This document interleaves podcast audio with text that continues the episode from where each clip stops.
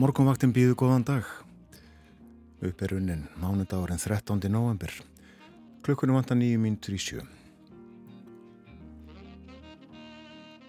Við hugum að aðstæðum í landinu og uh, byrjum á skeiti viðstofunar um uh, jarðskjálta á Reykjaneska. Og þar segir í skeiti sem að reytað var uh, löst fyrir hálf sex Frá miðnætti hafa mælst um 500 jarskjáltar við kviku gangin, allir undir þremur að stærð úti fyrir Reykjanest há hafa mælst skjáltar sástæsti 3,4. Og það hefur dreyið úr jarðskjálta virkni talið er að megin ástæða þess sé mikil spennulósun á svæðinu vegna jarðskjálta síðustu daga og aflögunar vegna kviku gangsins. Og vegna spennu losunarinnar er líklegt að kvikan eigi greiða leið til yfirborðs og því ekki hægt að gera ráð fyrir því að gós órói sjáist á mælum áður en eldgós hefst.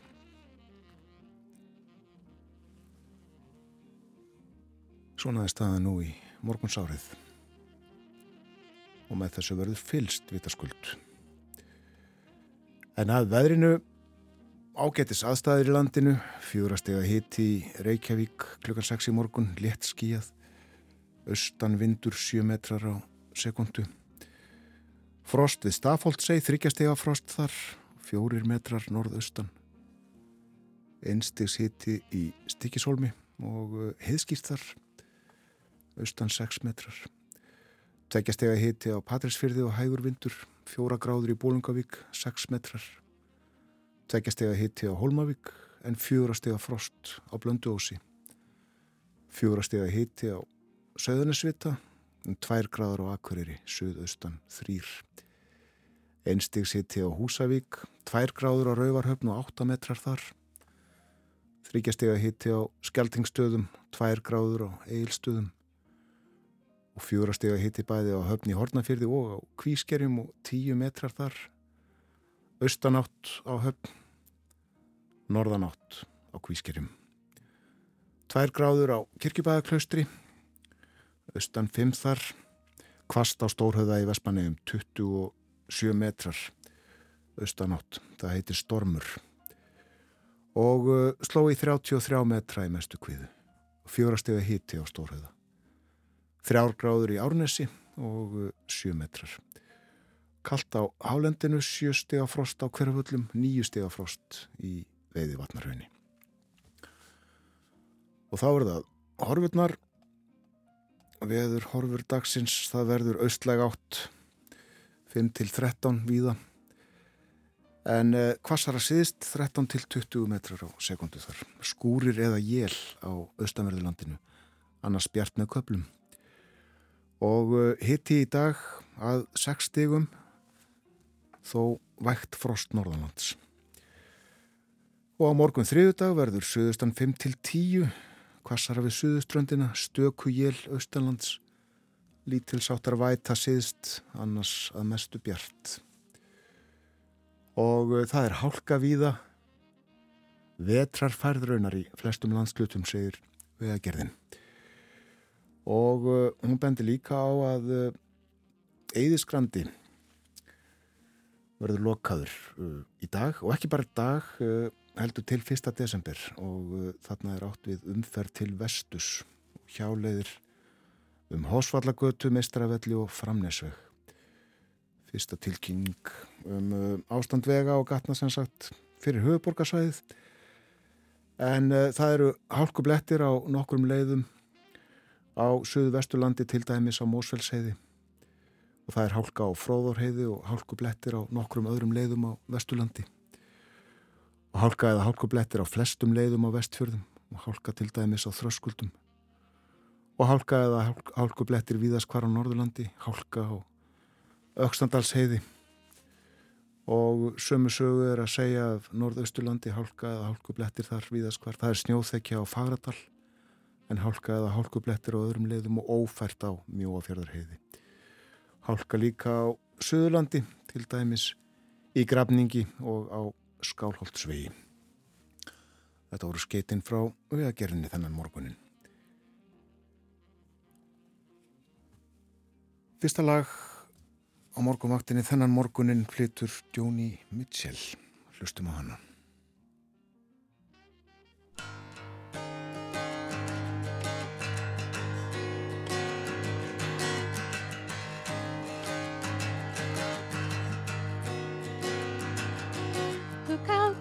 The the captain said.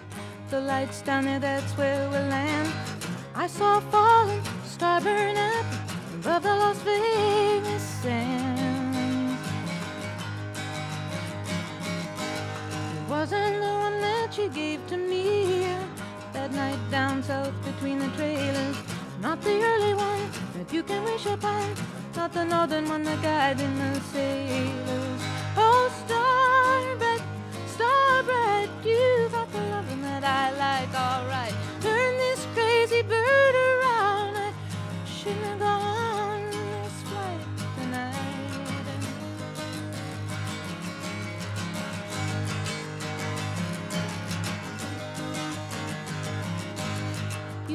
The touch so gentle and sweet, but you got that look so critical. Now I can't talk to you, baby, I get so weak.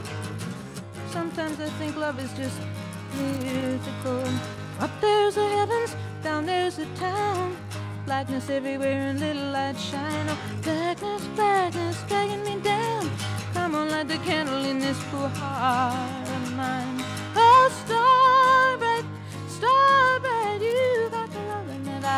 All right, turn this crazy bird around. I shouldn't have got on this flight tonight.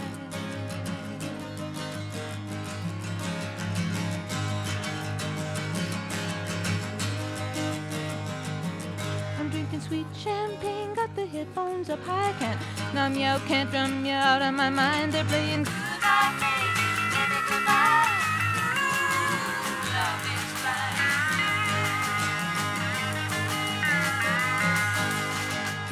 the flaps, down go the wheels. I hope you got your heat turned on, baby. I hope they finally fixed your automobile. Hope it's better when we meet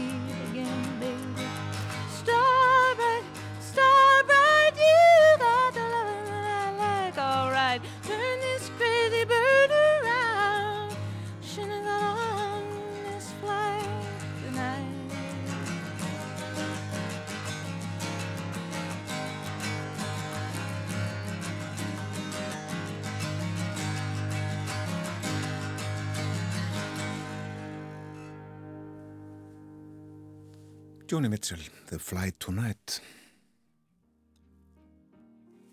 Þá gumundu Karl Brynjarsson prestur í Lindakirkju í Kópói sem að fór með orðdagsins og morgunbæna á. Og vitnaði eh, með allt á hreinu kvikmyndina. Þú einblínir á flísina en tekur ekki nótis af bjálkanum. Þetta saði Harpa Sjöp með Kristinn Styrkarsson Proppi. Framöndan eru fréttir. Förum ítalega yfir dagskrá þáttar eins í dag að fréttum loknum lítum í blöð og uh, spjöllum hlustum á tónlist.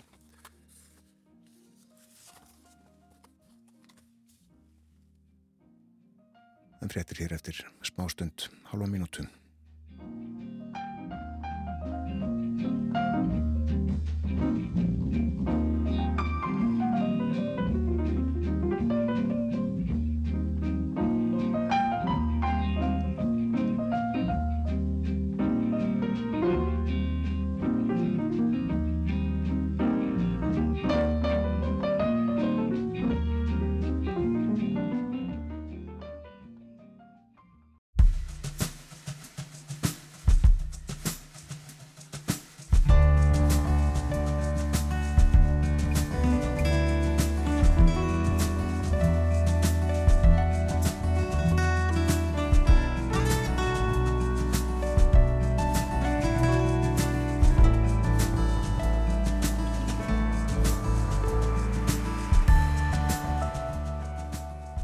Góðan dag, morgunvaktin helsar mánudaginn 13. november, umsjónamaðurir Björn Þó Sigbjörnsson.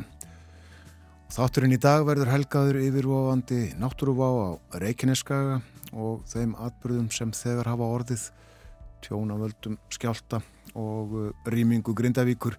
Katrín Jakobsdóttir Fossætilsráþur að kemur til mín klukkan halv átta og við tölum um málinn vitt og breytt, um fólkið og stöðu þess, aðgerðirnar og það sem er á valdi stjórnvalda að gera. Og svo kemur Páll Einarsson, jarðæðlisfræðingur, hingað klukkan hálf nýju og þá verður rætt um jarðfræðina, um gögnin sem byggtir á, kannski tækin sem að vísindamenn stýðast við og jarðsöguna. Aður leiti er rapp og tónlist á dagskrá morgumaktarinnar í dag.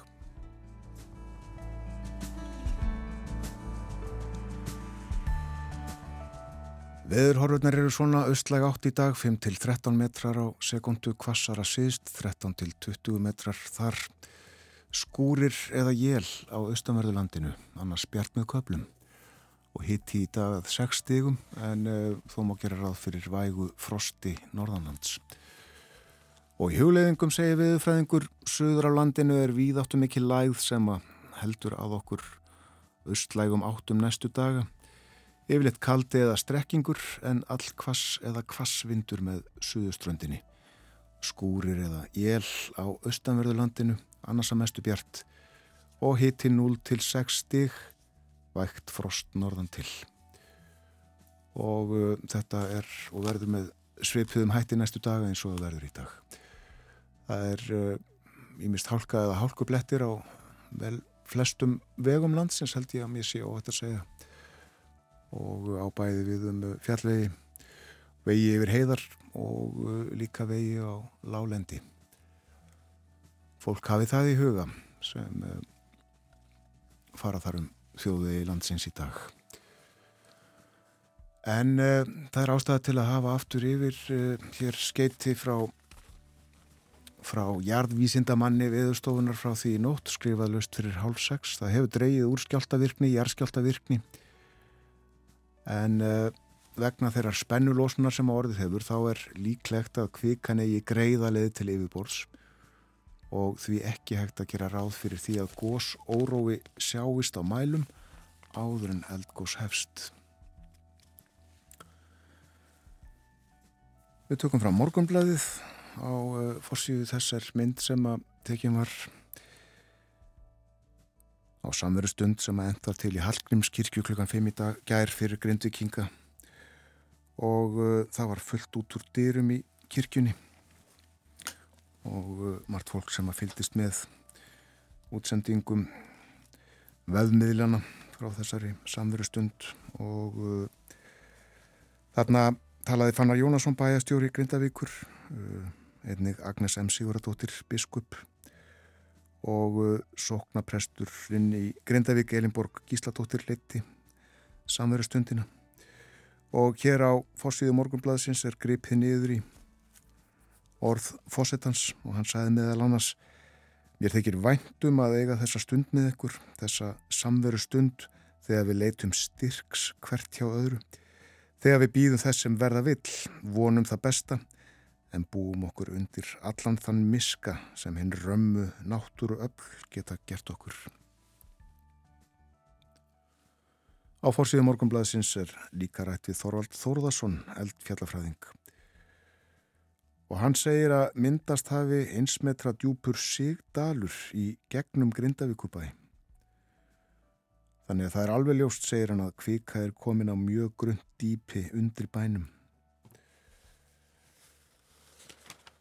Og uh, áfram er fjallaðum þessi mál inn í blæðinu og uh, meðal annars greint frá því að stjórnendur Þorbjarnar hafa óskað eftir því við almannavarnir að fá aðgangað kæli geimslum fyrirtækisins í því skyni að nálgast aðurðir sem að eiga að fara í sölu. Í þessum geimslum er fiskur sem ætlun er að koma til kaupenda okkar erlendis. Þetta er vara sem á að saljast fyrir jólinn Þetta er haft eftir Gunnari Tómasinni fórstjóra Þorbjörnar. En uh, að öðru uh, í hörpu hefst í dag heimsþing kvenleðtóða haldið í sjötta sinn. Þetta er uh, gert í samstarfi við alþjóðlegu þingvenna samtökin Woman Political Leaders. Ríkistjórnin kemur líka að þessu Ríkistjórn Íslands og alþingi auk fjölda erlendra og innlendra samstafsaðila. Vigdís Fimboðadóttir fyrfirandi fósetti í Íslands er sérstakur verndari heimstingsins. Og í árverður kynntur sérstakur aðgerðapakki á þessu þingi í þáu aukins jafnbrettis í heiminum. Rætt hér við Hannubirnu Kristjánsdóttur sem fer fyrir þessu. Hún er stopnandi og stjórnarformaður heimstings kvenleðtúa. Já, eh, minnst var á alþingi en uh, þingfundur verður í dag uh, hefst klukkan hálf eitt. Vanlega hefðast þingfundur á mándum klukkan þrjú og uh, eitt mál er á dagskrá. Lagafrumvarp fósættisráð þeirra sem ber heitið yfirskriftina vernd mikilvægra innviða á Reykjaneskaga. Og um þetta frumvarp munum við Katrin Jakobsdóttir meðal annars ræða. Það er vona henni í hljóstofu 6 í útvarshúsinu eftir um 20 mínútur eða svo. En hlustum þá á uh, tónlist hér er Sigriður Torlasíus, Svepp Ljóð.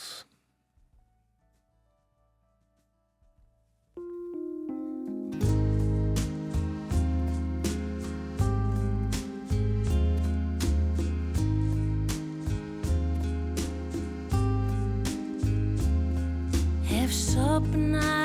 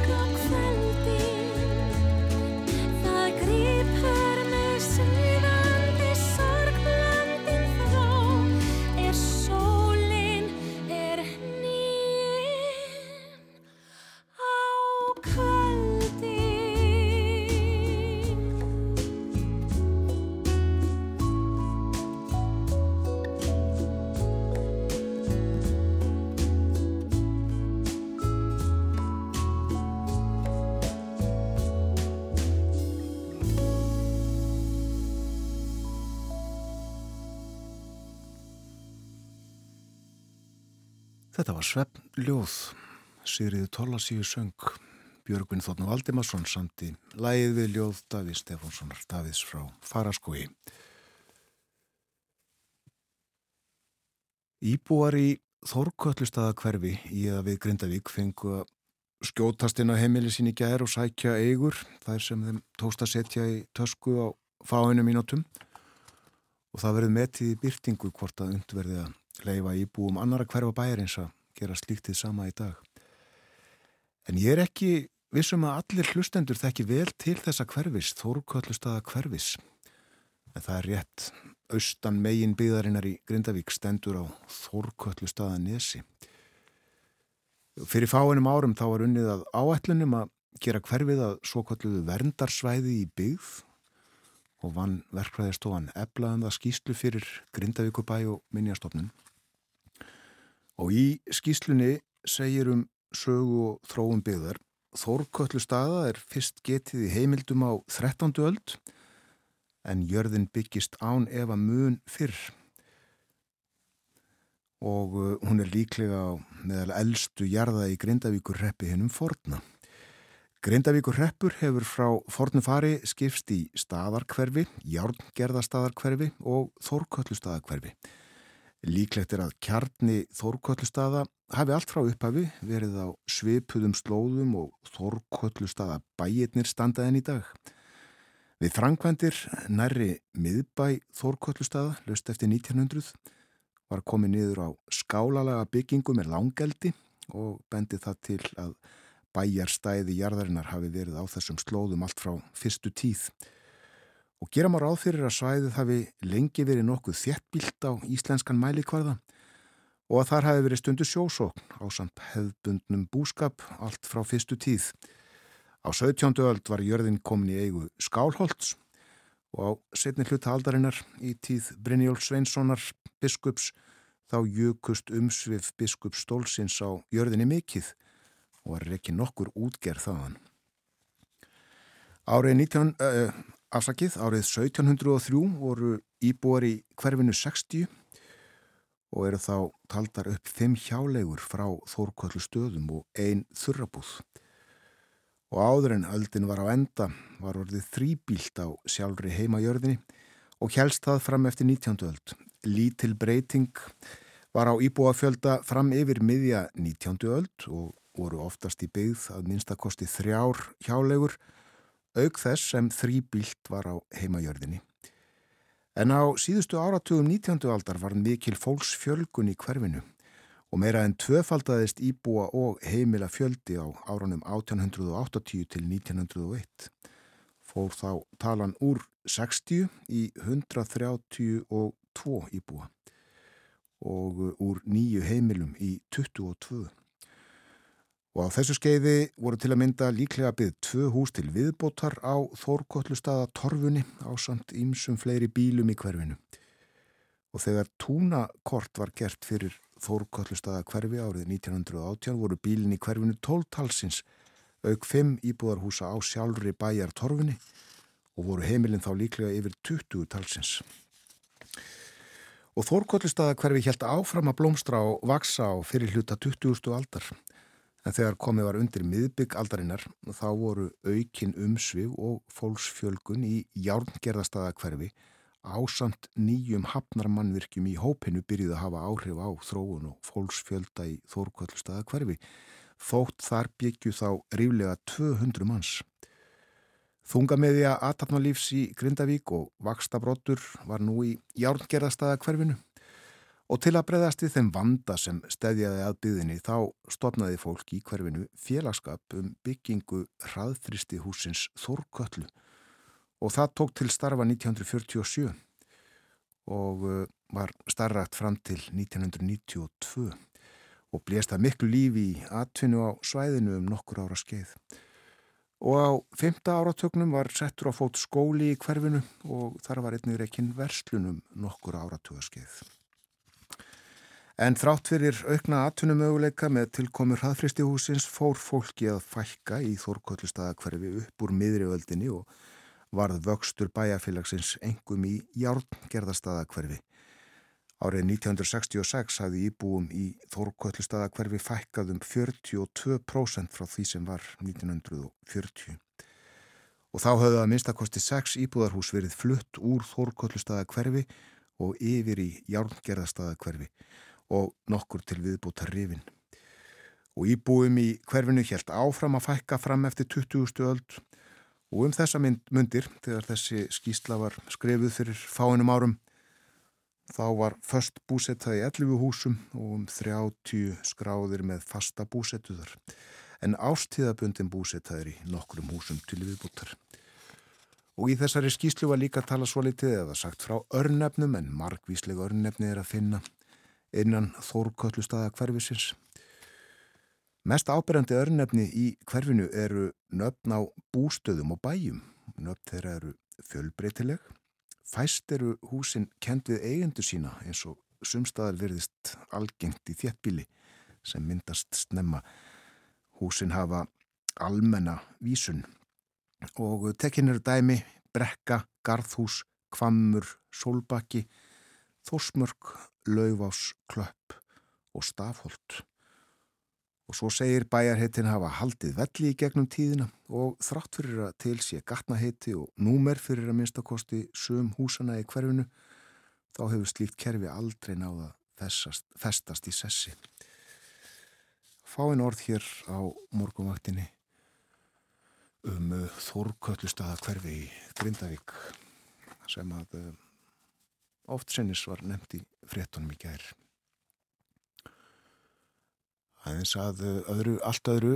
Þannig er að í dag er fæðingadagur Árna Magnússonar handreitasafnara hann fættist 13.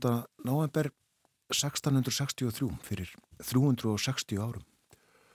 Átni var úr dölunum. Hann fættist á Kvennabrekku. Ég held að hún sé svona um það beil upp af helnum á stígvilinu sem að kvamsfyrði er oft líkt við en um Árna segir á Wikipedia Hann tók próf í Guðfræði í Kaupanarhafnar háskóla. Hann var aðstofamaður Tómasar Bartólin og síðan rítari við þið konunglega leindarskjálasafni Kaupanarhafn. Var þar rítari 1697 og fjórum árum síðar var þann profesor við Kaupanarhafnar háskóla. Og á árunum 1702 til 1712 var hann á Íslandi og tók saman hinn að frægu Jarðabók og Mantal á samt Páli Vítalin. Og svo segir Árni safnaði markvist handritum á Íslandi og annar staðar og flutti í handritasapsitt í Kaupanahöfn þar sem þau voru rannsökuð skrifuð upp og sögum hver búin til prentunar. Þess ásýður var tekin upp hjá Árnastofnun fyrir nokkru að á fæðingadegi Árna er haldinn Árna Magnússonar fyrirlestur. Og fyrirlesari að þessu sinni er Haraldur Bernhardsson, málfræðingur og dósend við Íslensku og menningadeild Háskóla Íslands. Rannsóknir hans lúta engum að málbreytingum og íslenskri málsögu og miðaldahandritum sem heimildum mál fyrri alda og yfirskrift erindis Haraldar í dag nefnist skrifarar og rítmenning á Íslandi og í Noregi á 13. öld. Já, eh, hann ætlar að eh, reyna að gera svolítið grein fyrir eh, fólkinu sem að skrifaði handritin á sínum tíma festi sögurnar á skinn. Fyrirlestur Haraldar verður í ettu því læsilega húsi á meðlunum, þetta er auðvitað í fyrsta senn sem að Árna Magnússonar fyrirlesturinn er haldinn í ettu fyrirlesturinn eh, hefst klukkan 5 stendur til 6, 1 klukkustund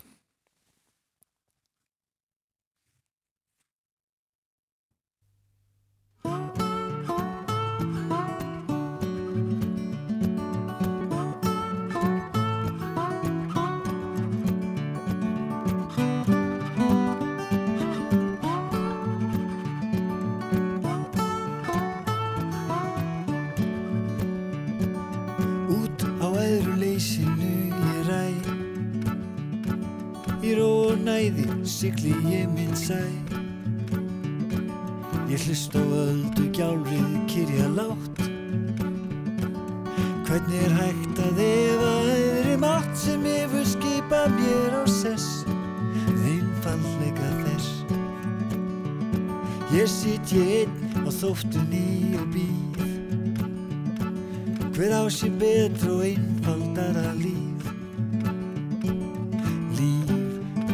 allir virðast þrá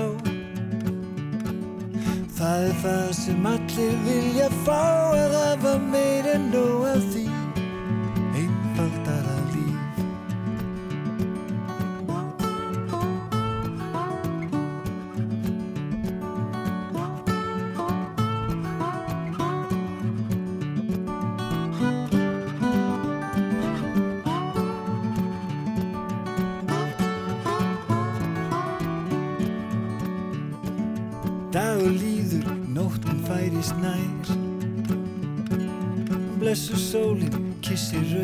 sæ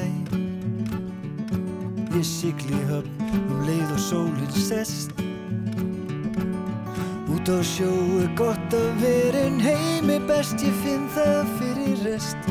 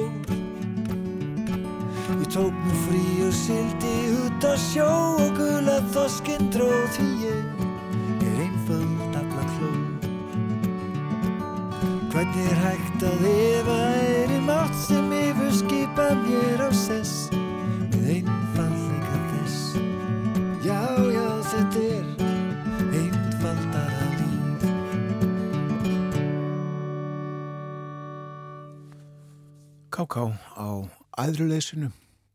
Hann söng og leik á gítar. Ég held alveg öruglega að Jón Ólafsson hafi verið þetta með honum leikið á melodíku.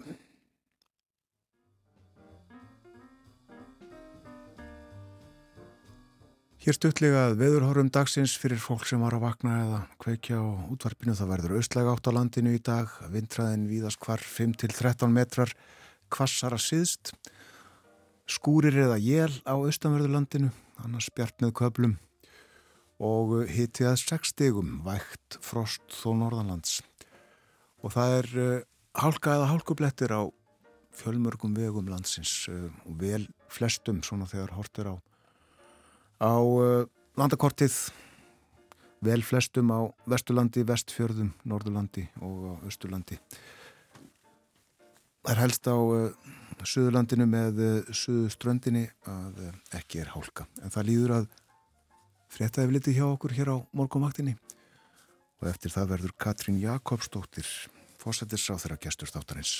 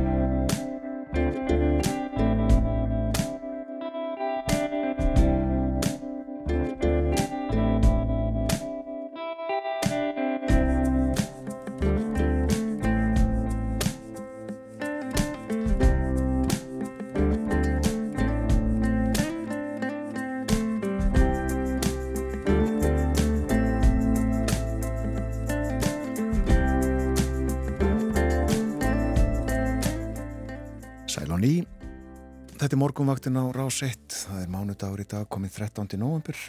Klukka núna réttliðilega halv átta.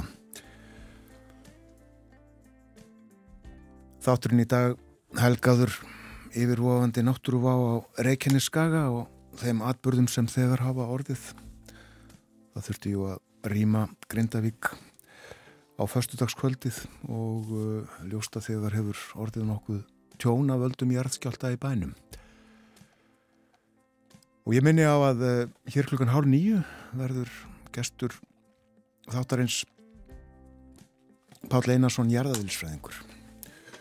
Og við ætlum að tala um uh, stöðuna og uh, söguna líka og ímislegt fleira. En nú er Katrín Jakobsdóttir fósættisráþar að komin í hljóðstóðu. Góðan dag Katrín. Góðan daginn. Við ætlum að spjalla um ímislegt er varðar þessa náttúru vá. Uh, mér langar að byrja á að tala um fólki í Grindavík sem að þurfti að yfirgefa heimili sína förstaskvöldið uh, hafði til þess um það byrjum tvær klukkustundir og uh, það er með öllu óvist um hvenar það getur snúið heim og ný. Það eru þetta ómögulegt fyrir okkur sem að vöknuðum í rúmunum okkar að setja okkur í spór þessa fólks. Heldur betur. Þetta eru svona 3700 mann sem þarna búa og eh, þar af og þar af veru um það byl, já, 900.000 börn, bara svona eins og við setjum þetta í eitthvað samengi og sko þetta er alveg afskaplega stór ákvörðin að ákveða að rýma heilt byggðalag og auðvitað er það merkilegt að sjá að því þarna hafa þetta verið rýmingar áallanir í gildi vegna þess að við erum auðvitað búin að vera með jarðhæringar á þessu svæði undanferðin ár en það var merkilegt að sjá hversu ótrúlega vel þessi rýming gekk fyrir sig, hversu fumlaus einhvern meginn hún var. Þannig að eftir að þetta var tilkynnt um 11 leitið að förstu daginn þá líði ekki nema að fara klukkustundir og, og, og bærin er rýmdur. En fyrir utan þess að tvo sem sváði þetta af sér sem rætt varum í fréttum. En hérna e, þannig er að sko Þetta er auðvitað, auðvitað voru mörg farin úr bænum vegna þess að mörg ætlaði að vera utan bæjar um helgina bara reynlega uppgefin á þessum jarræringum sem hafa þetta verið svo miklar og skekið allt uh, samfélagi ídrekað þannig að fólk er í raun og verið, ég er búin að hitta allmarga grindvikingum helgina og fólk er bara í sömu fötunum að fóri. Uh, börnin eru auðvitað að spyrja hvað nákvæmlega gerist næst og uh, þetta er þetta einhver tilfinning sem ég held að sko, ég er eiginlega vissum að hver einasti landsmaður er búin að hugsa um helgina, hvað myndi ég taka með? Og Hugsaðir þú það? Ég hugsaði það.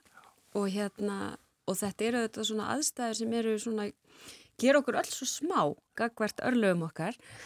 En um leið uh, fannst mér nú mikið vært að því ég mætti á hérna, kyrðar og samverðstund í gær uh, með grindvikingum og það er svo mikilvægt að halda sér bara við daginn sem maður er í að sko bæjabúar eru það verður ekkert engin skadi orðið á fólki og að halda sér bara við það að hérna vera í deginum og ekki í því sem maður skildi eftir eins og, og sóknaprestu þegar Grindviking orðaði það og mér fannst það einstaklega vel að orðið komist. Já, en það er líklega óhjákamilegt að, hugsa um hvað verður vegna þess að það er svo mikil óvisa og, og, og það getur allt gerst í raunin. Já, og það er auðvitað það sem er ógnalegt og við sjáum það sérstætt sko og það er það sem er náttúrulega alveg afskaplega erfiðitt og snúin staða er að við erum að sjá breytingar verða mjög hratt uh, á föstu deginum svona um sjöleitið eða millir 7-8 fæ ég svona skilabóða þetta sé nú eitthvað róast og, og hérna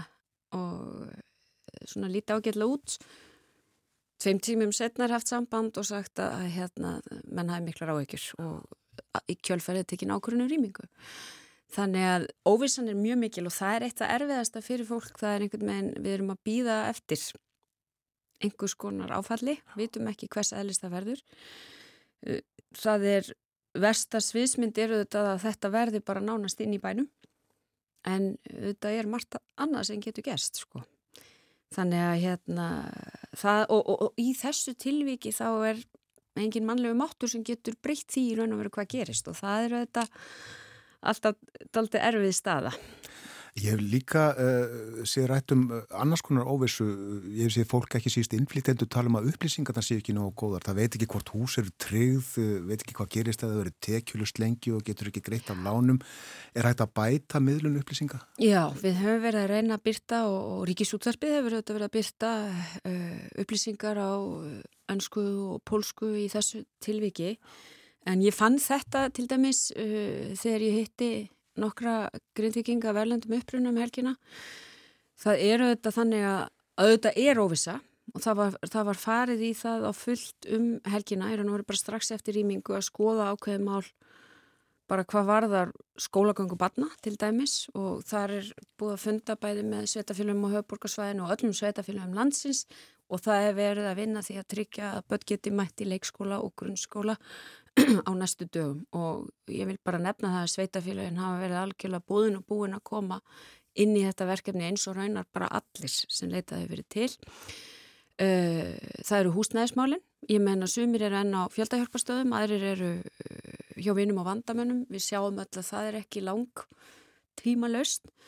Eh, engin veit hvað rýmingin varir lengi, þannig að það er verið að vinna því núna að kortleggirinn var allt mögulegt húsnæði sem undir að nýta í þessu tilgangi en eh, hvoru tveggja skólahald og, og húsnæði verður náttúrulega ekkert, sko það er engar ákarnið teknar um þetta nema með grindvikingum og uh, með þeirra uh, bæjafutrúum sem auðvitað hafa staði í ströngu bæjastjóru og bæjafutrúar að halda utanum samfélag sem er núna bara dreift út um allt. Já. Tryggingamálinn auðvitað hefur spurt um þau og þar eigum við náttúruhanfara tryggingu sem tryggir þetta uh, tjón sem verður í náttúruhanfurum og síðan uh, hefur það komið fram að við væntum þess að atunleysist tryggingar uh, grípi fólk sem missir afkomu sína í raun og veru vegna þessara hanfara þannig að auðvitað eru við sem samfélagi mörguleiti gríðarlega vel í stakk búin til að takast á við svona hanfarir en óvissan er erfið og það er lítið aftur að gera í henni. Hvernig finnst þér annars uh, svona skipulag og aðgerðir er varðar Grindavík og Grindviking að hafa virkað og gengið? Ég er náttúrulega dáist alltaf að okkar viðbras aðlum. Þetta er náttúrulega ekkit sérstaklega skemmtilegt orð en mann er orðið því miður allt og tamt í munni. Það eru þetta alveg ótrúlur hópur fólksbæða á veðustofunni, uh, jarfistastofnun, uh, hérna almannavörnum sem er heldur utanum þetta viðbráð og svo erum við með sjálfbóðalegana, það eru Björgunarsveitinnar, Rauðikrossin, það er eh, auðvitað lögreglan á svæðinu, slökkviliði á svæðinu. Þetta er alveg ótrúlega, og ég er örgulega að gleyma ykkurum, en þetta er alveg ótrúlega hópur fólk sem því miður er orðin allt og vanur því að þurfa að bregðast við óvæntum aðstæðum. Og við mögum ekki gleyma því að þetta er ekkit óskaplega margir sko. Þetta er ekkit óskaplega margi sem ber að hittan og þungan af því að bregðast við uh, þegar váber að dyrum og ég var nú aðeins að líta tilbaka það er náttúrulega búið að vera alveg ótrúlega auðvitað þessi eldgors á hundafennum árum en líka snjóflóð og skriðuföll fyrir utan auðvitað heimsfaraldurinn þannig að þetta er svolítið mikið búið að kvíla á þessu fólki öllu saman. Já, það er rétt. Uh, aðeins að frumvarpiðinu um, um uh, þar sem heitir vernd mikilvægra innvið á Reykjaneska uh, því var útbýtt á lögadag og verður tekið fyrir á þingfundi sem að hefsta óvinnlegum tíma á mándi hálf eitt ekki satt Jú. Hvað fælst í þessu frumvarpi? Þetta er í raun og veru tímabundin heimild e, til dósmálar á þeirra til þess að reysa varnarmannverki í kringum mikilvægin viði og þar eru við auðvitað fyrst og fremst að horfa til orkuversis í Svartsengi og byggðarinnar í Grindaeg. Um, þetta, þetta kemur nú, sprettur nú ekki úr engu, heldur eigu við mjög vandaða skýrslu, innviða skýrslu um Reykjanes þar sem er verið að fara daldið yfir innviðan á svæðinu og þetta er 30 stjórnmána svæði sem reyðir sig á þetta tildæna orkuver þar sem e, og afleðingarnar af því ef það fer úr virkni vegna jarðharinga eru gríðarlega miklar fyrir svæðið allt, bæði hvað var heitt vatn, ramagn og uh, síðan er vassbólið þarna skamt frá þannig að þetta er í raun og veru mjög svona mikilvæg starfsemi fyrir 30.000 manns Þannig að það er í fyrsta lagi það sem við erum að horfa til og síðan byðin í Grindavík. Um, Almannavarnir sendu okkur erindi eða sendu dómsmálar á þeirra erindi á 15. kvöld þar sem Óska var eftir atbeina okkar ríkistjónarinnar til þess að gera það klift að reysa slíka varnagara. Þannig að það var farið í kjálfærið að semja frumvarp. Þetta er auðvitað mikið rask sem fylgir svona varnagarum þannig að það þarf að, uh, en það er auðvitað þannig ástand á svæðinu að það, uh, við teljum það réttleita það að það sé svona kýft úr sambandi ákveðnum verkferðlum sem við myndum ella fylgja. Já, einmitt. Þetta, þetta eru hálfgerð neyðalög, er það ekki að segja? Það má orða það þannig, en uh, ég hef nú svo sem ekki notað það orð, en Nei. það er algjörlega rétt að við erum að kipa úr sambandi þeim ferðlum sem við venjulega fylgjum, þar sem við gefum okkur tíma til þess að rannsaka vel svæðið og annað slíkt, í krafti þess að hér eru þessir mikilvægu innviðir og heilt byggðalag undir. Já, já. Það er auðvitað að spyrja hversin er ekki lengur búið að reysa svona varnakar? Já, já, það er auðvitað að spyrja þá. Auðvitað, sko, þetta er mikið rask og hérna, og þó að við höfum haft hugmyndir á borðinu uh, frá þessum innviðahópi, þá líkur það fyrir að það er svona, það er líka mikil óvisa sem fylgir því og það er auðvitað þannig að hérna, við vitum náttúrulega ekkert hver eldgós kemur upp og það þarf alltaf á veg og meta alla þessa ólíku þætti í hvaða framkvæmdir á að leggja uh, í þeirri óvissu að þú, að þú gætir verið að taka það á þetta þeir munu engum tilgangi þjóna ef eldgósi kemur upp á öðrum stað en mögulega er talið á þeim tíma. Þannig að það er nú staðan sem við erum í en við metu að þannig eins og þessi bylgja hefur verið að þróast að það sé mikilvægt að hafa þessa heimild uh, reynlega út af þessum uh, þess, hversu nærri hún er byggðinni og orkuverinu. En ljóst að uh, það verður ekki ráðist í þetta eittur og bingo út af jærskjálta hættunu og eldgósa hættunu sem er þarna núna? Ekki meðan svæðir ekki metuðu rugt en við metuðu hins vegar að það sé mikið átt að hafa heimildina þannig að það sé hægt að fara í þetta þegar svæðið er metið þannig að það sé óhætt. Uh, þetta er tímabundir heimild og það sem ég held að það sé mikið vegt að við gerum næst er að nýta svo tímana því að ef við erum að fara inn á tímabil jærfæringa ekki bara núna heldur næstu ára og ára og tvíi þá er mikið vegt að hafa held að sína sveiði hvað þetta var. Já, og þannig hverðið á með það ekki sérstaklega skattlagningu? Já, og það er í raun og veru eitthvað sem, ekkit sérstaklega háa, við erum í raun og veru að leggja það til að þetta leggist ofan og brunabóta mat húsa, smá viðbótar gjald, en sem getur skila miljardi í ríkisjóð á áskurunni mér minnir að þetta sé svona já, mannum ekki hvað það var svona um það byrjum 5.000 krónur á íbúð sem metin er 60 miljónir og, og svo getur fólk reiknað aðeins út frá því að, á ári. Já. en hugsunin er svo, við erum með náttúrhanfara tryggingu sem tryggir tjón sem orðið er, við erum með ofanflóðasjó sem hefur skýrt skilgreynd hlutverk í lögum og, og byggir á svona langtíma sína og uppbyggingu ofanflóðavarna. En hér erum við að horfa á svona tekjustopp til að tryggja aðeins framkvæmdi til skemmri tíma til þess að venda innviði.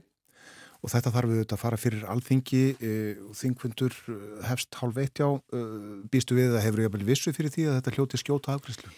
Ég held að, að sko, ég er nú búin að heyra í öllum formannum flokka og ég hef trúið því að allir séu sko, mjög viljur til að greiða fyrir málunum. Við skulum sjá hérna hvernig þinglega umræða gengur en ég er nokkuð vissum að það er ríkur vilji til að greiða fyrir þessum málum. En sínist þið Katrín eða veistu að fleira muni koma til kasta þingsins á næstu dögum vegna ástandsmála í Grendiði Grindavík? Það er ekki útilokað. Uh, eins og ég nefndi hérna áðanvarandi atvinnulegsistryggingar þá uh, var lagt að fara það strax að rína það hvort að þær uh, dekkuðu í raun og veru ekki þessa stöðu. Mér skilst það er gerið það en það getur alltaf eitthvað komið upp sem hérna kallar á atvinna þingsins og ég held nú að það góða við Ísland sko, við tölum nú mikið um hvað við rýfumst mikið og við gerum það þetta og hérna erum góðið því en við erum líka mjög góðið því að leggja ágrinningsetni til hliðar þegar vá stæðjarað og maður fann það nú bara því ég herði eins og ég nefndi í öllum formunum flokka á föstudaginn og, og það stendur ekki á neinum í þessu sko. Þá leggjum við ágrinningsetnin til hliðar þeir gerir það, eh, gott að vita það en það eh, stendur eiginlega ekki á neinum í samfélaginu veriðs mér. Allir hafa Nei. opnað fansinn bóðið fram aðstóð þá, þá aðstóð sem að fólk getur bóðið fram. Já, maður verður svona ég var einmitt að hugsa að ég nú svona eins og ég segi það er búið að ganga mikið á undanfæran ár. En það er alveg merkilegt að finna þetta. Uh, finna nákvæmlega þessa tilfinningu að strax á förstaskvöldi þá var sko verið að opna fjöldahjálparstöðar og þá einhvern veginn taka allir síman og, og það er öllu bjargað.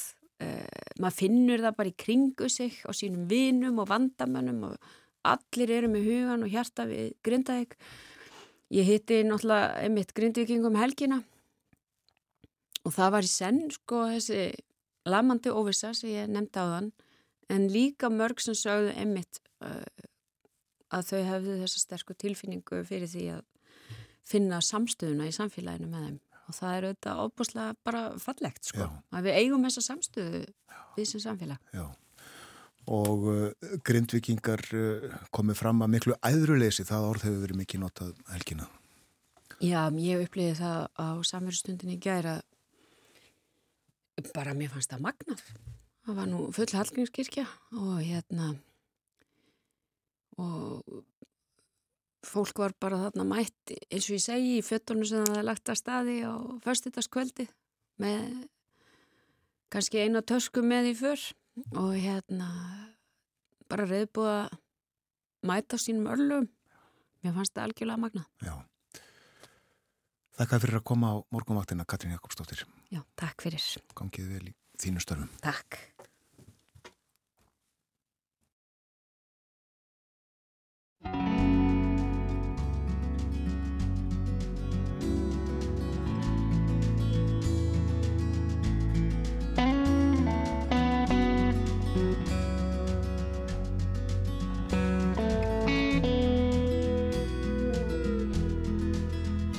I am Jeremiah Dixon. I am a Geordie boy. Glass of wine with you, sir, and the ladies I'll enjoy. Durham and Northumberland is measured up by my own hand. It was my fate from birth to make my mark upon the earth. He calls me Charlie Mason, stargazer am I. It seems that I was born to chart the evening sky. They'd cut me out for baking bread, but I had other dreams instead. This baker's boy from the West Country would join the Royal Society. We are sailing to Philadelphia, a world away from the coldy tide. Sailing Philadelphia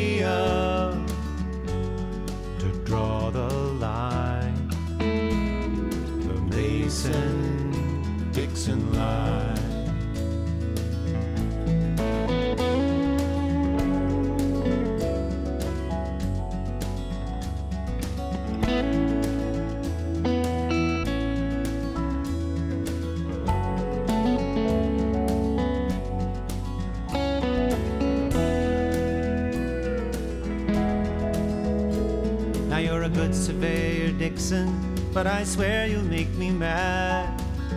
The West will kill us both, you gullible Geordie lad. You talk of liberty, how can America be free? A Geordie and a baker's boy in the forests of the Iroquois. Now hold your head up, Mason, see America lies there. The morning tide has raised the capes of Delaware. Come up and feel the sun.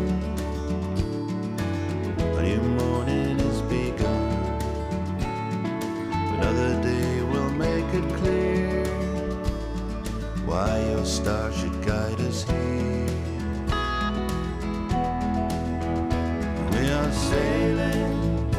to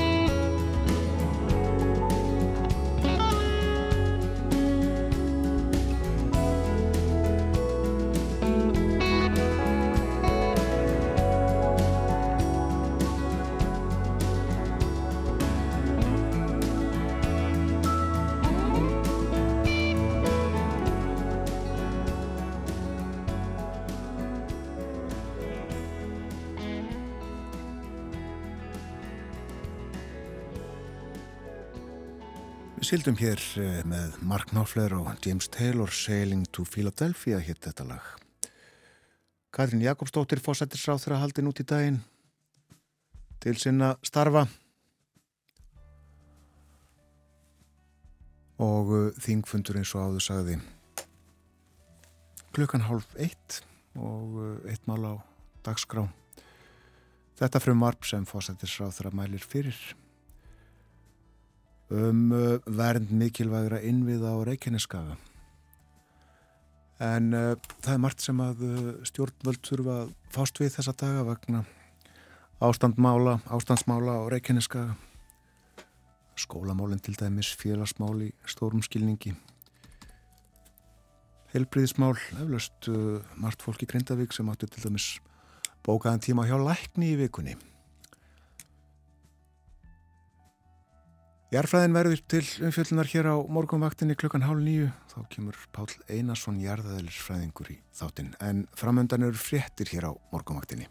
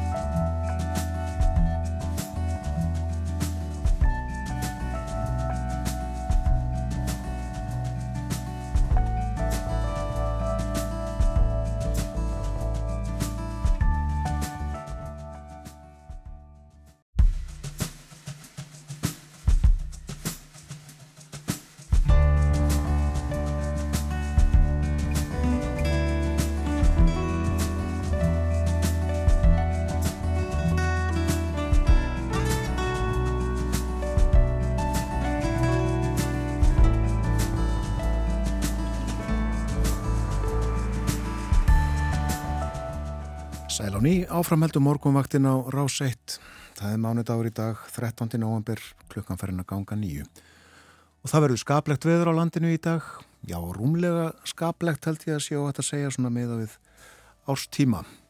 Bara ágætis veður og uh, bjart víða um land, uh, sérstaklega þegar lítur á daginn. Hálka á uh, flestum vegum á Vesturlandi, Vestfjörðum, Norðurlandi og Östurlandi. Katrín Jakobsdóttir fósættisáþra var gestur þáttarins í ráðan og uh, hún er núna haldin út í daginn til sinna starfa og ég minni á að Páll Einarsson jarðaðlirsfræðingur verður gestur hér klukkan hálf nýju, sittur hjá mér til að verða nýju og Við ætlum að spjallaða um jærfræði, um þær upplýsingar sem að liggja fyrir um ástandmála á Reykjaneskaga og spjallum líka um söguna, ímislegt fleira. En við hlustum á tónlist hér á morgunvaktinni næstu mínútur og fyrst undir nálina er nýjútkomin plata Lauvegar. Bívitt, seitur hún. Og plötunni hefur verið vel tekið um allan heim og uh, hún eða lögavenni ratað á vinsaldalista til dæmis í Breitlandi og í Bandaríkjunum, í Ástralíu, á Nýjasjólandi, Kanada, Skotlandi og á Íslandi. Og á förstu daginn síðasta þá bárust fréttir að því að laufi var í tilnum til grammi verðluna fyrir plötuna. Platan er flokkuð sem hefðbundin dagutónlist en í flokki nýjaldartónlistar er Ólafur Arnalds tilnendur fyrir Some Kind of Peace og Svo plata, eða plata með því heiti, kom raunar út fyrir þremur árum en uh, Ólafur endurgerði lögin og gaf út á nýji píanoútsetningum og svo plata sem sá tilnefnd nú. En Ólafur hefur tvívegis áður hlotið tilnefningu til Grammy verðluna en uh, það eru bandarísku tónlistaverlunin, sambarileg Emmy verðlununum fyrir sjómasefni og Óskarsverðlununum fyrir kvikmyndir. Og við getum nú ekki annað en verið reykina þeim Ólafi og laufey og svo sem að öðru framúsgarandi fólki líka. En uh, hlustum á lagið From the Start af Plötu laufeyr.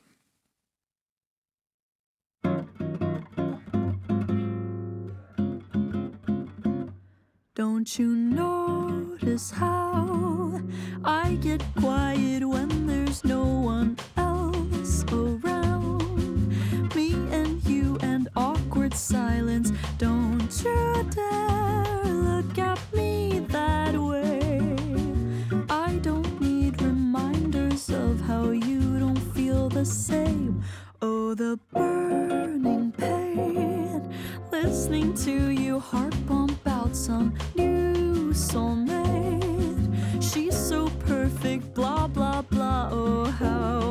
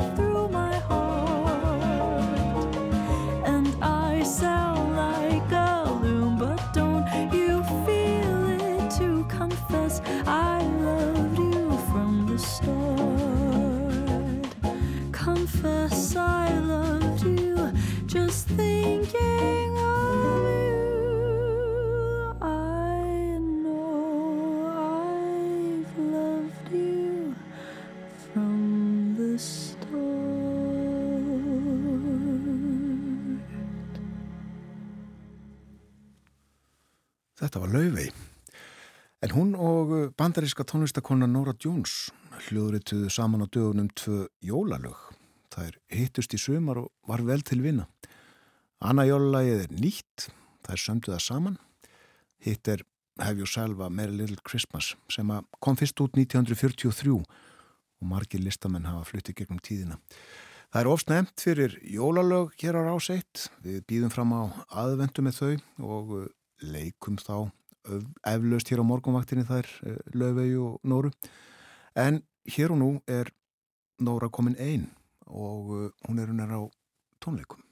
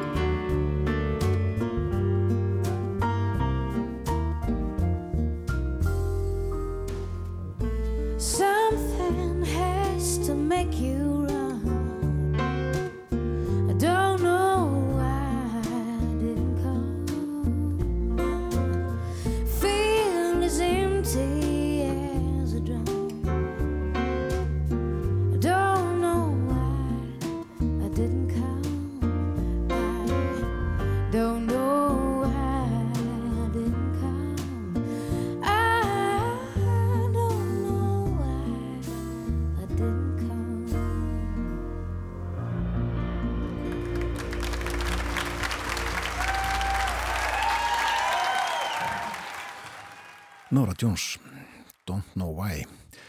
Nora kom til Íslands 2007, leika hljómleikum í Leordalsöll. Kanski hún hafi komið aftur síðan þótt ég munið ekki. En væntanleg er til landsins og hljómleikahalds og þá í hörpu á næsta ári yngri sýsti Nóru, hálfsýstir samfæðra, Anúska Sjankar. En hún er í hópi fremstu sítarleikara veraldar og við skulum hér næst hlusta á hana flytja lægið Say Your Praise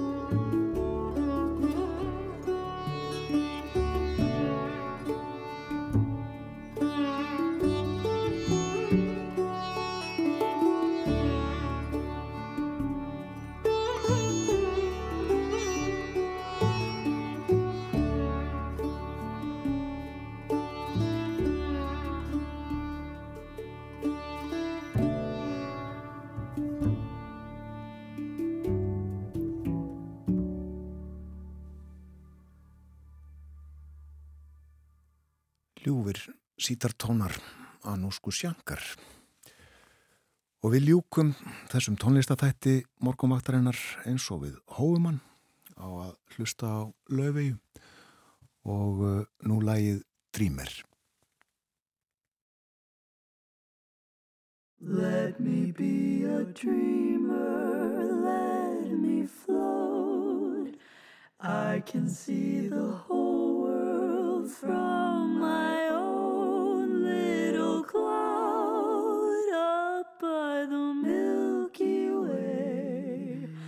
I'll stay here forever and a day.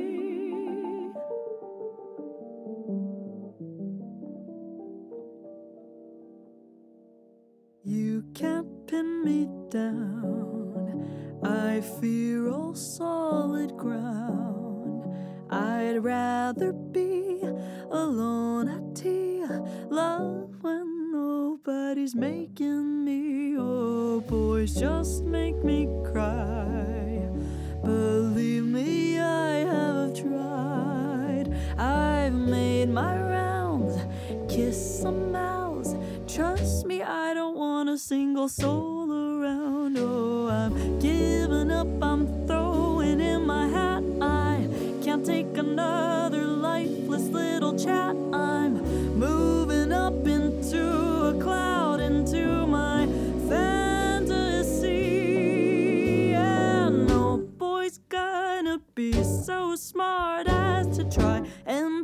pierce my porcelain heart. No boy's gonna kill the dreamer in me.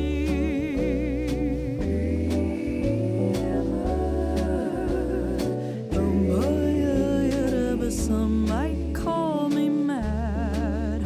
The worst this town has had. I fell right down the rabbit hole. Legends say I fell so fast I lost my soul. My melancholic days are few and far away. I've had enough, called it off.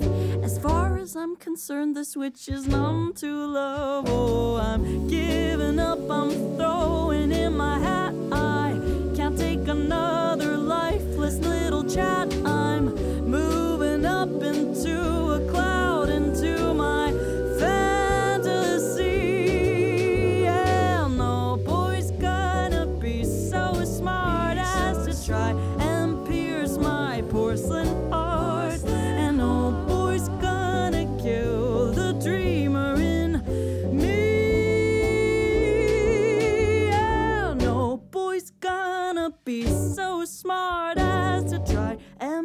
pierce my porcelain heart. No boy's gonna kill the dreamer in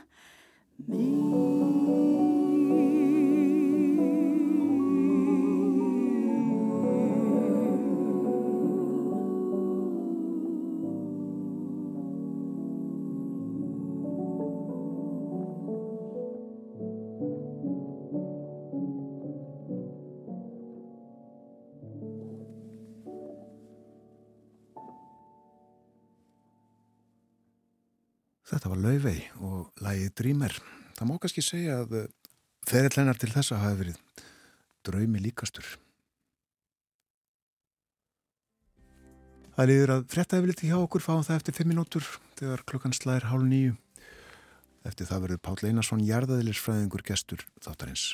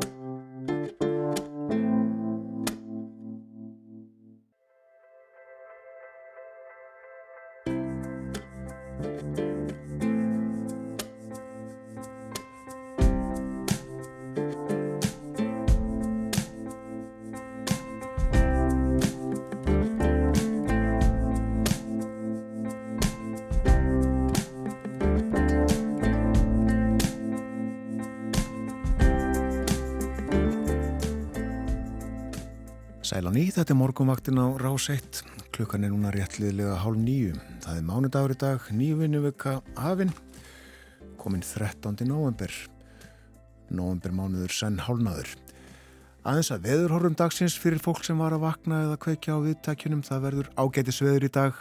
Östlæg áttu, viðast hvar 5-13 metrar á sekundu.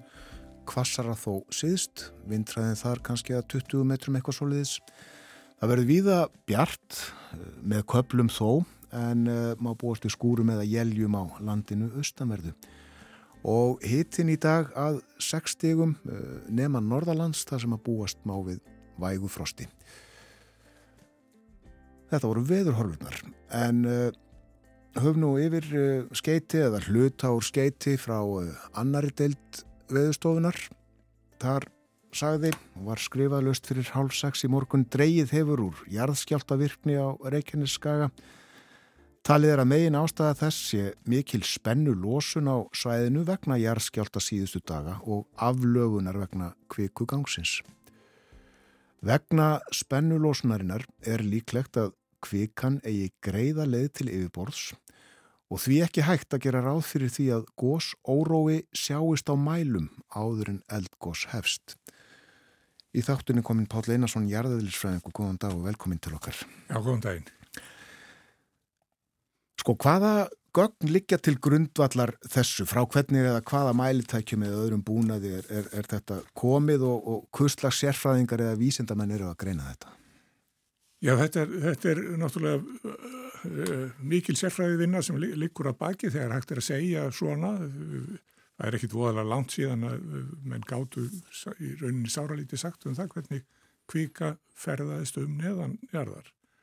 En e, núna er, er komið upplutt mæla kerfi og, og þessum fræðum hefur fleikt fram á ymsa vegu og þannig að nú er hægt, hægt raunverulega að segja íminsleitum. Þó menn hafa nú kannski orðið svolítið rugglaðir á fréttonum undanfarnar vikur og, og, og reyndar síðustu árin á, á því hvað, hvað raunverulega er hægt að segja og hvenar við erum komin út í það að gíska á, uh, á hlutina. Sko. Og e, núna stöndum við fram fyrir því að það er hægt að segja ímislegt um það sem er að gerast eða hefur verið að gerast undanfarið en, en þá er nú ekki mikið hægt að segja til um hvernig þessi mynd þróast síðan áfram og þá er gripið til ráð sem er, er nú víðanotað í, þegar svona er að það er að, að bregða upp sviðsmyndum.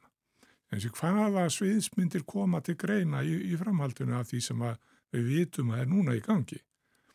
Svoleiðis að þarna eru alltaf skörp skil sko, að, að við, frá, frá því að, að svona vita sæmilega vel og yfir það að, að vera reynlega að gíska á, á framhaldið. Já.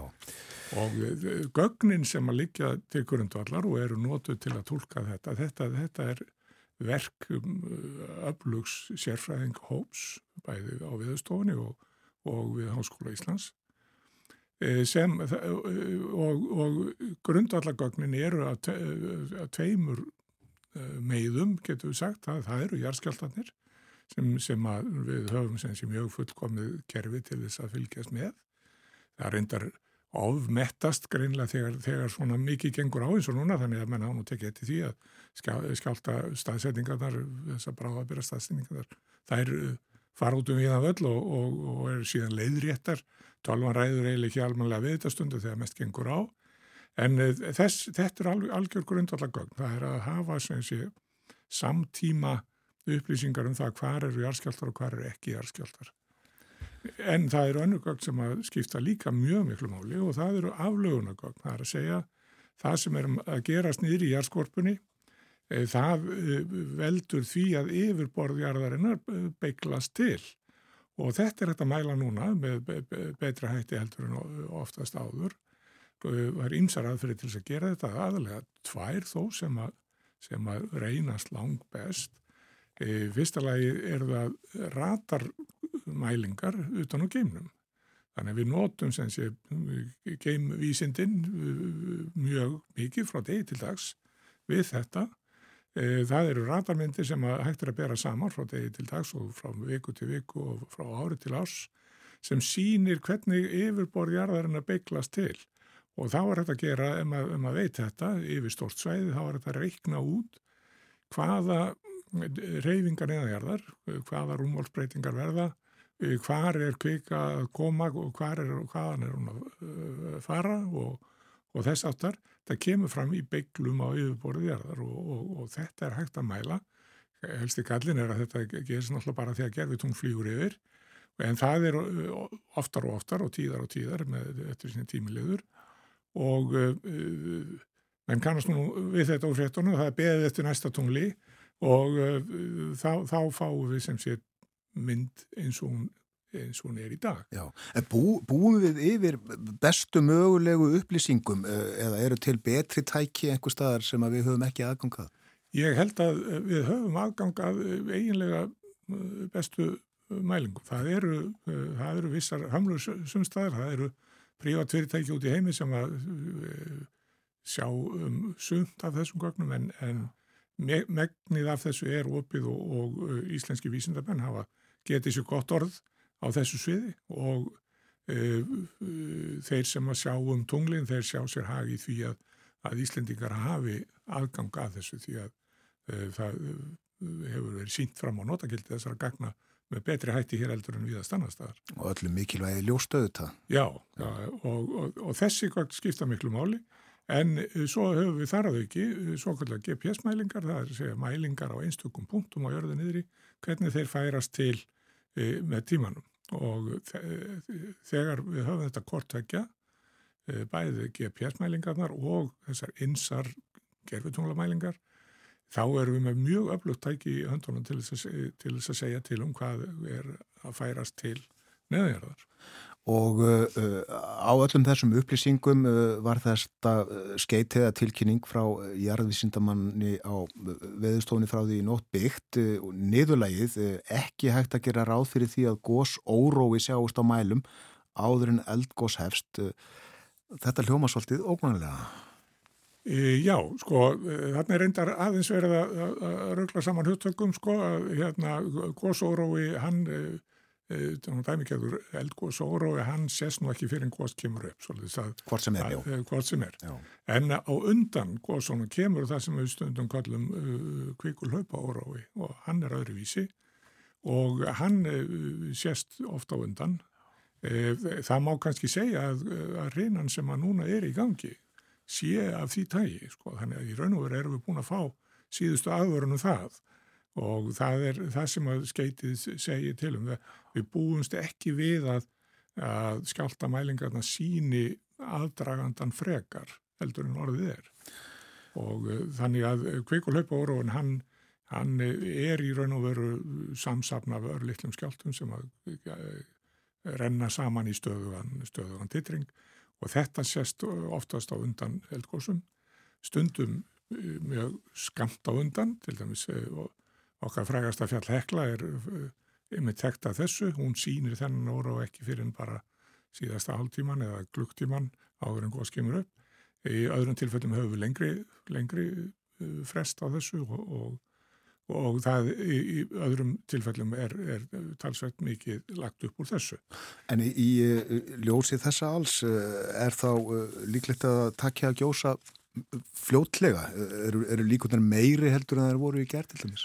Um þetta er ekki hægt að segja því að, því að það sem er í gangi núna er, er það er ganga innskott uh, og ganga innskott uh, þau uh, verða áður heldur en kvikan kemur til yfirbors og nákvæmlega hvenar það augnablík er, er bara mjög erfitt að segja. Það er mjög mislánt þetta tíumbil. Stundum er þetta mjög stutt, heklað sérstaklega fræg fyrir þetta, mjög stutt frá því að fyrstu merki sjást á hangar til góðst kemur upp. Sömum tilvægum er þetta miklu lengra eins og til dæmis og undan hólurhundskósinu.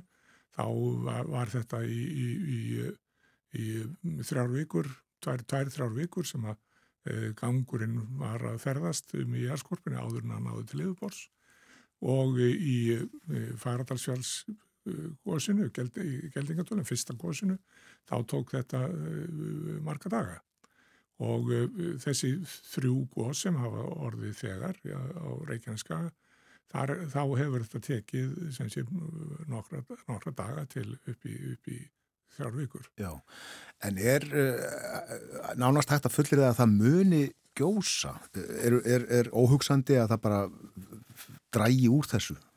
Já, það er, við verðum að rekna með því að það getur líka gæst, sko, við þekkjum dæmi þess líka, já, sem sé að gangur af þessu tægi, hann leggur á stað og hann getur verið talsveitu öflugur og uh, uh, valdið skjáltum í kringum sig og, og allt þetta, en síðan lognast það út af og, og kvika næri ekki til yfirbors.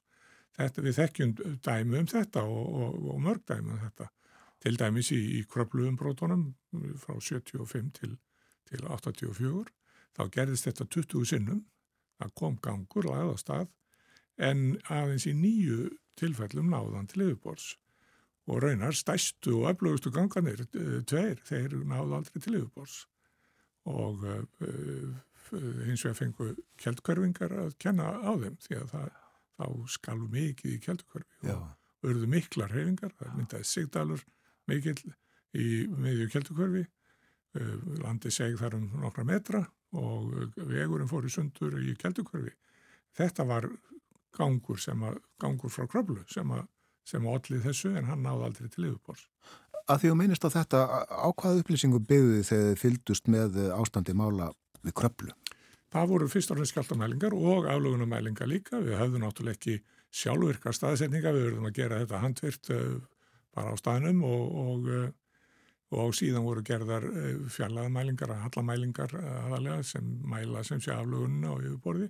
Þannig við vorum að steyðjast við þessi sömu grundvallar atriði en teknin var náttúrulega miklu frumstæðari og, og uh, þetta uh, gekk allt saman miklu setna og var meira svona tólkunarkent það sem var gert. En það fór ekkit á milli mála þar hvað, hvað varum að vera. Það voru, voru gangar og við gáttum fundið hvernig það laða stað og hvertir fóru og allt það. En en svo var já, þannig að þetta líkur nokkur ljóst fyrir þar. Það, það voru sem sé nýju gós á nýju árum en 20 gangar sem að, sem að hlöpu, hlöpu til. Já, þú fylgist grann með þá og uh, þú varst í námi 1973 í bandreikjunum þegar Gauðs í Vestmanniðum en komst heim las ég einhver tíman og, og settir upp mælitæki eða hvað? Já, Já. Ég, ég kom, kom þá í sé, eh, frá New York með, með þá mæla sem hægt var að, að, að grafa upp í fljótheitum og við settum þessa mæla upp í, á Suðurlandi til þess að fylgjast með góðsum í heima í þannig að Og það er líklega ennfremstæðir tæki heldur en, heldur en uh, notuð voru uh, í mývasveit og hvað þá núna? Já, það voru, svipu, það voru reyndar frumgerðir af mælónu sem við síðan settum upp í mjöðsveit. Sko. Þannig að það, það var nú sama sviputekni sem var, var beitt þá. Já. Nú en, en út frá þessum gögnum sem við höfum núna, þá er hægt að setja saman sæmilega sannfærandi sögu um það hvað er að gerast núna ná, nákvæmlega á, e, á Reykjaneskaganum og e, þetta, þessi kapli umbrótana sem að núna er í gangi hófst sem sé hér 2005. oktober síðast, síðastliðin með landrisi í Svartsengi og það fór ekkit á millimála það þangað streymdi kvika sem sé frá af dýpi og með, með talsvörnkrafti og með því að reikna út aflögunina og gera uh, líkan reikninga á því hvað því allir þá þá er líkur nokkuð ljóst fyrir það myndaðist svona laggangur undir, undir Svarsengi á svona 4-5 km dýpi.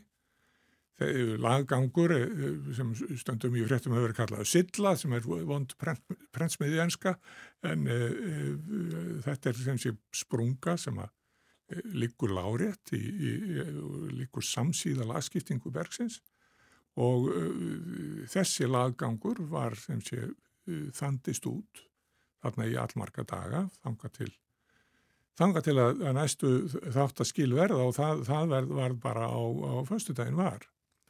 Þá var þrýstingur í þessum laggangi orðin ægilegu til þess að hann braust út, hann, hann eh, breytti eh, eðli sínu, það ripnaði út frá honum og þá myndaðist gangur sem er loðrétt sprunga með kviku í.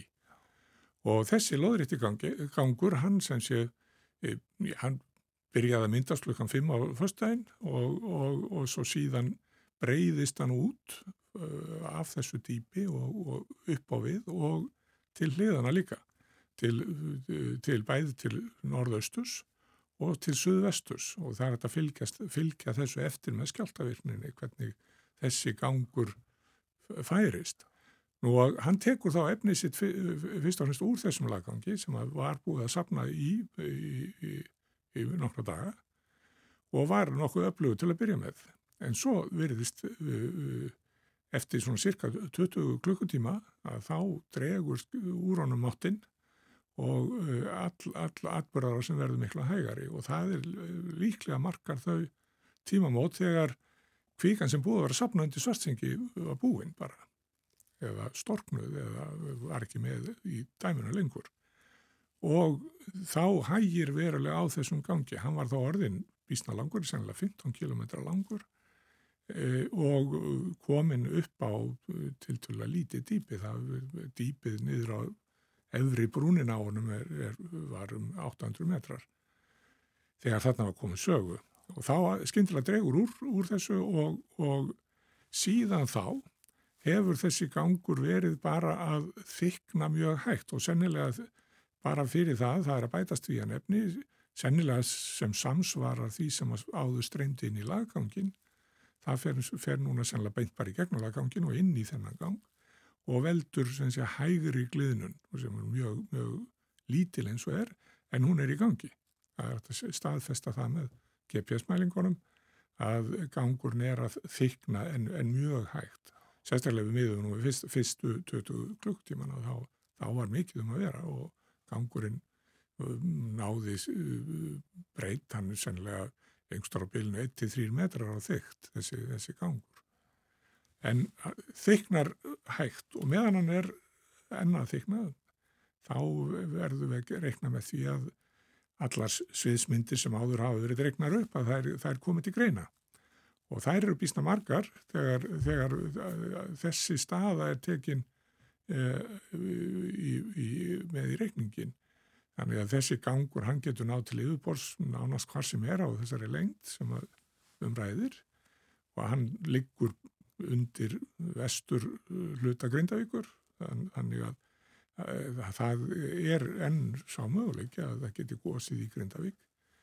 En eh, mesta líkur svona miða við virknina í honum er nú norðaustar sem sé fyrir norðanbæin en svo uh, nær gangurinn líka út fyrir ströndina. Hann fer sem sé undir uh, undir ströndina fyrir suðvestan. uh, Grindavík og vestan Grindavík þannig að sá möguleiki er, er ennþá með í spilnu að, að það verði neðansjágós á botninu þarna En mesta líkur segir á að gjósi norðan við bæin, hvað er þá líklegt að það verði langt norðan við bæin? Nei, það er, eh, sko, gangurinn líkur í gegnum bæin eða undir bæin, þannig að allar fjallæðir koma til greina. Er, en mesta virknin virðist nú vera þar sem að gangurinn byrjuði að myndast og það sá punktur er nokkuð vel þektur, hann er, hann er sem sé fyrir austan sílingafell. Já. Eh, þetta sem að er að gerast núna, er þetta, er þetta rökrétt framhald þess sem að, að hefur verið að gerast núna á síðustu árum á Reykjaneskaga og líka rökrétt framhald af, af jarðsögunni þarna í gegnum aldirnar? Það er hægt að fella þetta að þeirri sögu sem við þekkjum þarna en, en þetta er náttúrulega miklu meiri smáadrið heldur en að við höfum nokkur tíma þórað að gíska á varðandi jarðsöguna á, á svæðinu. Jarðsagan segir eða gefur til kynna að, að, að kvíkuvirkni áreikinniska sé mjög kviðukend og kviðurnar séu standi kannski 200-300 ár og síðan taki við uh, virkni sem ekki er með uh, kviku í spilinu sem að standi þá kannski 800 ár eða, eða svo. Þannig að þetta er svona einhver, einhver þúsund ára uh, uh, hrínu virkni sem að byggir á svona jarðsögulegum uh, hérna, gögnum, jar, jar, jarðfræði gögnum. Mm. Uh, þetta, við, við vitum það að fyrir uh, uh, áður en þessi kvíku virkni byrjaði núna, að þá voru engar vísbendingar um eldgós á skaganum bara síðan 1240, bara síðan á dögum Snorra Sturlusonar og uh, það er, uh, það er nokkuð vel staðfest. Það hefur ekkert gósið á skaganum allan þennan tíma í 800 ár og uh, síðan koma gós og síðan, nú, nú eru komið þrjú gós, uh, þannig að við verðum að draga þá áletun að við séum í byrjun á gós tímabili fyrir, fyrir Reykjaneskagan og uh, framundan sé sem sé allt annars konar Reykjaneskagi heldur en við þekkjum. Já. Þetta, þetta er náttúrulega leksía þessar atbyrða. Og þá ertu að horfa langt fram í tíman, mörg? Já, ára tví. 200-300. 200, já. Já, það, það verðum að taka það með í reikningin.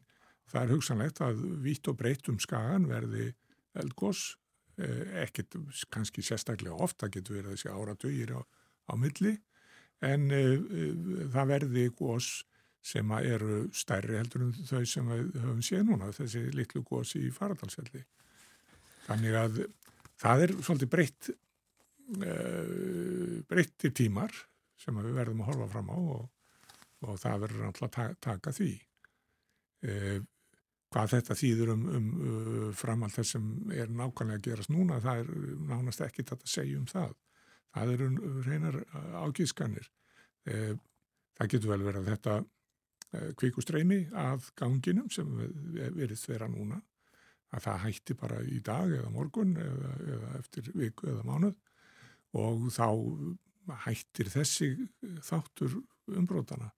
Umbrótin af þessu tægi byrjuðu 2019, 2020 og síðan hafa verið sem sé kviku atbörðir all margir, ekki bara þegar gaus, heldur það eru gangar sem hafa myndast án þessa gjósi og uh, sem af þessu þenslu tímabilum við svartsengi uh, þau hafa hinga til ekki leitt til, til gósa. Þannig að þetta er ný þetta er, er ný staða sem er komin upp núna þegar kvíku þenslaði undir svartsengi leiði til ganga einskotts. Pál Einarsson, þakkaði fyrir að koma enga á morgunvaktina og varpa ljósi á þessi mál. Takk sem leis. Og uh, svona líkur morgunvaktinni þennan morgunin, klukkan er að verða nýju, við fáum fréttir klukkan nýju. Fyrir gestur þáttarins þennan morgunin var Katrín Jakobsdóttir Fósættirsráð þegar hún satt hér uh, milli halv átta og átta og við spjöldinu vitt og breytt. Og uh, núna eins og áður saði Pál Einarsson, jarðæðlisfræðingur. Ég heiti Björn Þór Sigbjörnsson og hef settið hér á morgunvaktinni síðan fyrir klukkan 7 í morgun. Þátturinn verður á sínum stað í fyrramálið. Þakka samfélgina. Njóti dagsins, verði sæl.